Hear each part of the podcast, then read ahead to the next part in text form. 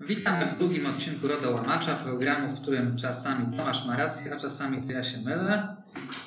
Bywa też, że obaj się mylimy. Są z Państwem Tomasz Osiej. i Michał Czarnecki.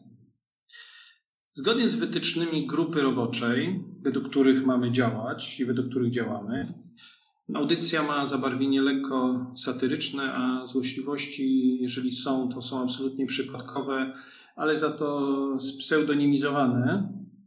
Zbieżność wydarzeń, miejsc i osób zupełnie przypadkowa. Tak, Tomaszu, za nami e, dwa lata RODO, lata bardzo dynamiczne, powitane głośnym hukiem Armat 25 maja 2018 roku oraz wysypem procedur i polityk. Powiadają, że e, wtedy zatrzymała się na chwilę Ziemia, fakt jeszcze e, autentyczny, niepotwierdzony. Mieliśmy rok względnej ciszy na morzu, następnie burze po pierwszej karze i obecnie raczej spokojny czas przekuwania przepisów na praktykę biznesową dnia codziennego. Przeszliśmy więc od epoki takiego przedrodowskiego romantyzmu e, do pozytywizmu w zaledwie dwa lata. W tak zwanym międzyczasie odbyło się około 100 tysięcy konferencji, webinarów, zjazdów i sabatów. E, Eurostat wskazuje tu na 97 569 takich wydarzeń. Samo RODO odmieniono przez chyba wszystkie przypadki e, i jako jedyni wpadliśmy na pomysł, by stworzyć inspirowaną RODO markę odzieżową. Pomysł, który poddany zostanie oczywiście uprzednim konsultacjom z urzędem w trybie artykułu 36. Przejdziemy do takiego krótkiego omówienia zamknięcia klamrą tych dwóch lat. Zaczynam od kar finansowych, których do, doczekaliśmy się. No, pierwszy rok był bardzo spokojny, więc wszyscy oczekiwali w napięciu, co się wydarzy, kiedy ta kara nastąpi. E, Jeżeli nastąpi, to czy ona będzie większa, czy mniejsza. I co się okazało? Że w ciągu tych dwóch lat e, trochę kar nam się posypało. Mieliśmy karę nałożoną na wójta, mieliśmy marketing, mieliśmy wywiadownię gospodarczą, mieliśmy dane ściągane z internetu, mieliśmy czysty marketing, była szkoła, był budynek, y, był monitoring. No można powiedzieć, że było y, wszystko. Były też ciekawe stanowiska. Urząd obdarzył nas kilkoma takimi ciekawymi stanowiskami.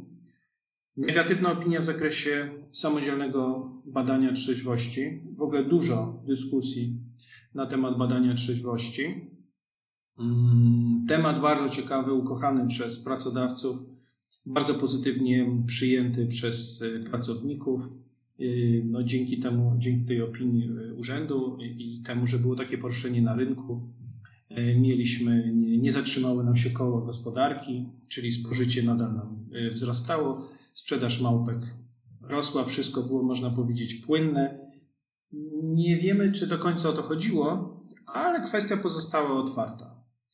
Temperatura, badanie temperatury. Kolejna gigantyczna sprawa, która nam się pojawiła na horyzoncie. Też moglibyśmy temat rozwijać bardzo długo. W każdym razie jesteśmy w momencie takim, w którym można badać tempera- mierzyć temperaturę. Jedni twierdzą, że na podstawie przepisów covidowskich, inni mówią, że na, na podstawie kodeksu pracy. Jeszcze inni, w tym część urzędów, mówi, e, że najlepiej zrobić to na podstawie zgody, ale urząd mówi, że nie. Ale były też takie stanowiska, które, które nas, y, oczywiście te poprzednie też nas bardzo ucieszyły, które wniosły sporo ciekawych rzeczy i były wyważone. Zaczniemy od y, usuwania danych z akt osobowych. Bardzo konkretne i bardzo dobre stanowisko. Zawieranie umów powierzenia z biegłymi rewidentami, to też mamy za sobą, czy przyjmowanie gości, czy z naszych stażystów jako, jako gości, czy kolejna kwestia nadawania e, umów, e, produkowania umów powierzenia, ja bym to tak określił. E, Tak, odnotowano też liczne incydenty, najczęściej dotyczące poufności, e, z czego nie wynika jednak, że Polacy są e, jacyś wyjątkowo komunikatywni, bowiem nie wszystkie one były zgłaszane. E, Urząd niczym Lord Vader na pokładzie Gwiazdy Śmierci zdawał się swym majestatem odstraszać zgłaszających problemy inspektorów. E, Na pokładzie Gwiezdnych Niszczycieli usterki się bowiem nie zdarzały.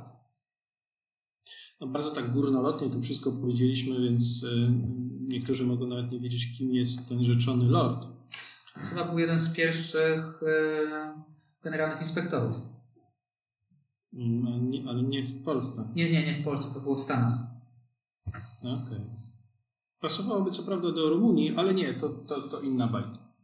Yy, Dobrze, ale mamy kolejne ciekawe rzeczy, yy, kontrowersje pol- polityczne. No i tutaj Państwa zaskoczymy, ponieważ ten temat pozostawiamy do rozważań takich bardziej kuluarowych, do których na pewno wrócimy przy okazji yy, 1527 konferencji i szkolenia. Podamy bardziej pod stronę magla towarzyskiego. Przed tak zwanym bardzo popularnym nad Wisłą motywie 07. Mm, Tak, i tym, tym tematem kończymy przegląd, jeśli chodzi o dwa lata, które minęły. No bardziej czekamy na to, co będzie się działo w trzecim roku. Ale czy rzeczywiście, czy on ma być taki ciekawy? Chyba chcielibyśmy trochę stabilizacji. Z aktualności. Marketing był ostatnio jak Polska Liga Gry w Remika. Dużo się działo, ale bez spektakularnych sukcesów. Chociaż nikt nie wie, jak się mm, rzeczywiście gra potoczy. Mm, Nie ma sukcesów, ale pewnie będą. Pojawiły się nam wytyczne Europejskiej Rady, o których chcieliśmy powiedzieć chwilę. Bardzo ciekawe, bo chcieliśmy nawiązać do tematu marketingu, zgód, bardziej zgód, bo te zgody są nie tylko w marketingu. I co możemy powiedzieć? Że Europejska Rada Ochrony Danych podzieliła stanowisko, e, które nie jest zaskoczeniem, czyli że zgoda powinna być e, dobrowolna, zgoda musi być jasna, klarowna, a każda e, usługa, która wymaga zgody, musi, musi mieć opisany cel, musimy wszystko bardzo klarownie wyłożyć i doprowadzić do bardzo zrównoważonej, przedstawienia bardzo zrównoważonej oferty, w pełni jasnej i klarownej. No nie jest to zaskoczenie, ale przypomniano. Tak, jednocześnie też wskazano, że gdy administrator daje nam wybór pomiędzy usługą, która wymaga takiej zgody na wykorzystanie danych do jakichś jego mrocznych celów, a wskazaniem drzwi wejściowych prowadzących do równoważnej usługi oferowanej przez inny podmiot, to taki wybór jest niedozwolony. Zgoda rzeczywiście tutaj nie jest, nie jest dobrowolna. Yy, Pojawiła się również kwestia tak zwanego cookie wall, praktyka popularna i u nas, a jednak dostęp do usług i funkcjonalności nie może być uzależniony od zgody na cookies. Zdesperowany interna internauta postawiony przed ścianą cookie wall nie może bowiem takiej zgody wyrazić swobodnie. E, Jeżeli chodzi o wyrażanie zgód w ocenie EROT, także zwyczajnego przewijania lub przesuwania strony internetowej e, można uznać za wyraźne i potwierdzające działanie. E, Czasem trudno jest zresztą nawet odróżnić od e, innych działań rozpaczliwego machania myszą na inne pojawiające się na stronie zjawiska cyfrowe. Zresztą mówiąc szczerze, ja też nie bardzo rozumiem sytuację, w której chodzę na stronę i jest napisane, czy potwierdzam, akceptuję pliki, a jeżeli nie akceptuję, to jedyne co mogę zrobić, nie mogę wejść na stronę. No trudno to uznać za coś, co jest właściwe, a z takimi sytuacjami już się zetknąłem. No, może być tak, że ewentualnie ten przesłania nam trzy czwarte strony, co jest równie skuteczne jak e, poproszenie kogoś o zgodę dobrowolną. Ale to zależy jak, jaką stronę. Bo jeżeli wejdziesz na jakąś taką stronę nie polityczną, to jeszcze masz te 30 sekund, żeby się wycofać. To, to jest Żeby może, stwierdzić, może mam coś ważniejszego do zrobienia, na przykład popatrzenie na szczeliny w suficie. Może to jest taki sygnał, taki palec Boży, żeby jednak się Nie wycofać. rób tego, zawróć. Nie idźmy tą drogą. Mamy też e, bardzo ciekawą rzecz. E, Mamy odpowiedź mm, urzędu, stanowisko Urzędu Ochrony Danych, które otrzymaliśmy pytając jako portal GDPR.pl. E, Zwróciliśmy się do urzędu z takim pytaniem, które nurtowało wielu naszych czytelników, które wydawało nam się, że nie jest pytaniem, na które nie znamy odpowiedzi, ale skoro wiele osób o to pytało i pytanie było następujące. Czy nic oznacza coś? Bardzo intrygujące, ale chodzi o to, że jeżeli ktoś nie powie tak, to czy oznacza, że mówi nie, jeśli nie mówi nic? Żeby było jaśniej. Chodzi o to, że jeżeli jest checkbox tak zwany i go nie zaznaczymy, a wcześniej udzieliliśmy zgody, to oznacza, że nie zaznaczając go, wycofujemy zgodę. Zanim przejdziemy do odpowiedzi na to e, pytanie, e, to urząd pot- potwierdził nam w tej odpowiedzi, którą przesłaliśmy, którą nam przesłał, e, przypomniał nam, że treść zgoda powinna być jednoznaczna, wskazać kanał komunikacji, powinna wyraźnie je opisywać, transparentna. To, to wszystko, o czym mówiła wcześniej Europejska Rada. Co ciekawe, urząd też potwierdził, że niedopuszczalne y, jest odbieranie zgody na przetwarzanie danych, jeżeli istnieje inna przesłanka. Wręcz użył takiego sformułowania, że jest to bezprawne. I to jest y, coś, na co chcieliśmy zwrócić uwagę. Już był, ta, była taka jedna sytuacja, że w jednym z y, pięknych, słonecznych krajów nad Morzem Egejskim nałożono karę na podmiot, który pomimo posiadania innej podstawy zbierał zgody. No i tu urząd nam potwierdził. Tak, znaczy to nie budzi wątpliwości w mojej, w mojej ocenie przy przepisie prawa, prawa przy umowie, ale przy uzasadnionym interesie, zwłaszcza gdy jest on mocno wątpliwy na pierwszy rzut oka jednookiego inspektora, zgoda wydaje się mi czasami zacną alternatywą. Natomiast ad vocem, gdy wymuszamy w formularzu jasną deklarację co do wyrażenia albo braku wyrażenia zgody, w ocenie urzędu nie wiadomo, czy w takim przypadku, w przypadku odmowy, nie dochodzi jednak do przetwarzania danych osobowych wraz z oświadczeniem o odmowie.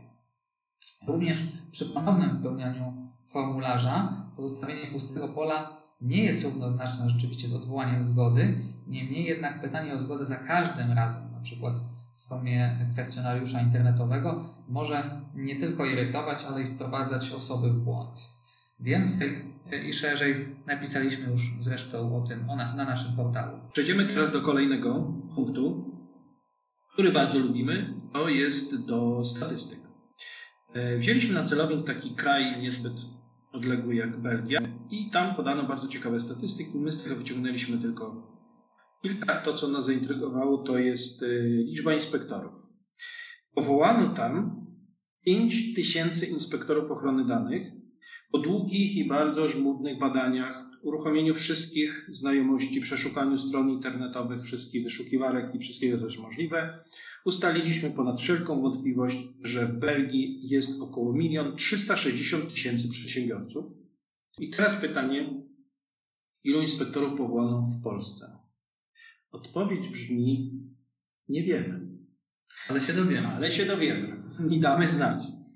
E, dopytamy e, i na pewno Państwa poinformujemy. No oczywiście możemy szacować, biorąc pod uwagę, że mamy w Polsce prawdopodobnie w przybliżeniu e, dwukrotność, dwukrotną liczbę, dwukrotnie więcej firm, ale mamy też jakąś ciemną liczbę, tylko zawsze zastanawiamy, co, co jest tą ciemną liczbą. Czy ciemną liczbą jest inspektor, który obsługuje 300, 300 gmin i, i on tworzy taką ciemną liczbę, czy ciemną liczbę też tworzą podmioty, które nie słyszały jeszcze o o RODO, ale nie wiem, czy to jest możliwe. No tak czy inaczej to szacujemy, że w Polsce powinno być przynajmniej 10 tysięcy inspektorów, ale sprawdzimy.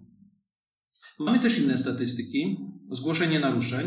E, Polska zgłosiła, w Polsce zgłoszono w ciągu w okresie dwóch lat 7,5 tysiąca naruszeń i przeliczenie na 100 tysięcy mieszkańców, bo to jest najlepszy przelicznik, daje nam to około 14 zgłoszeń. Porównaliśmy to ze zgłoszeniami z innych państw.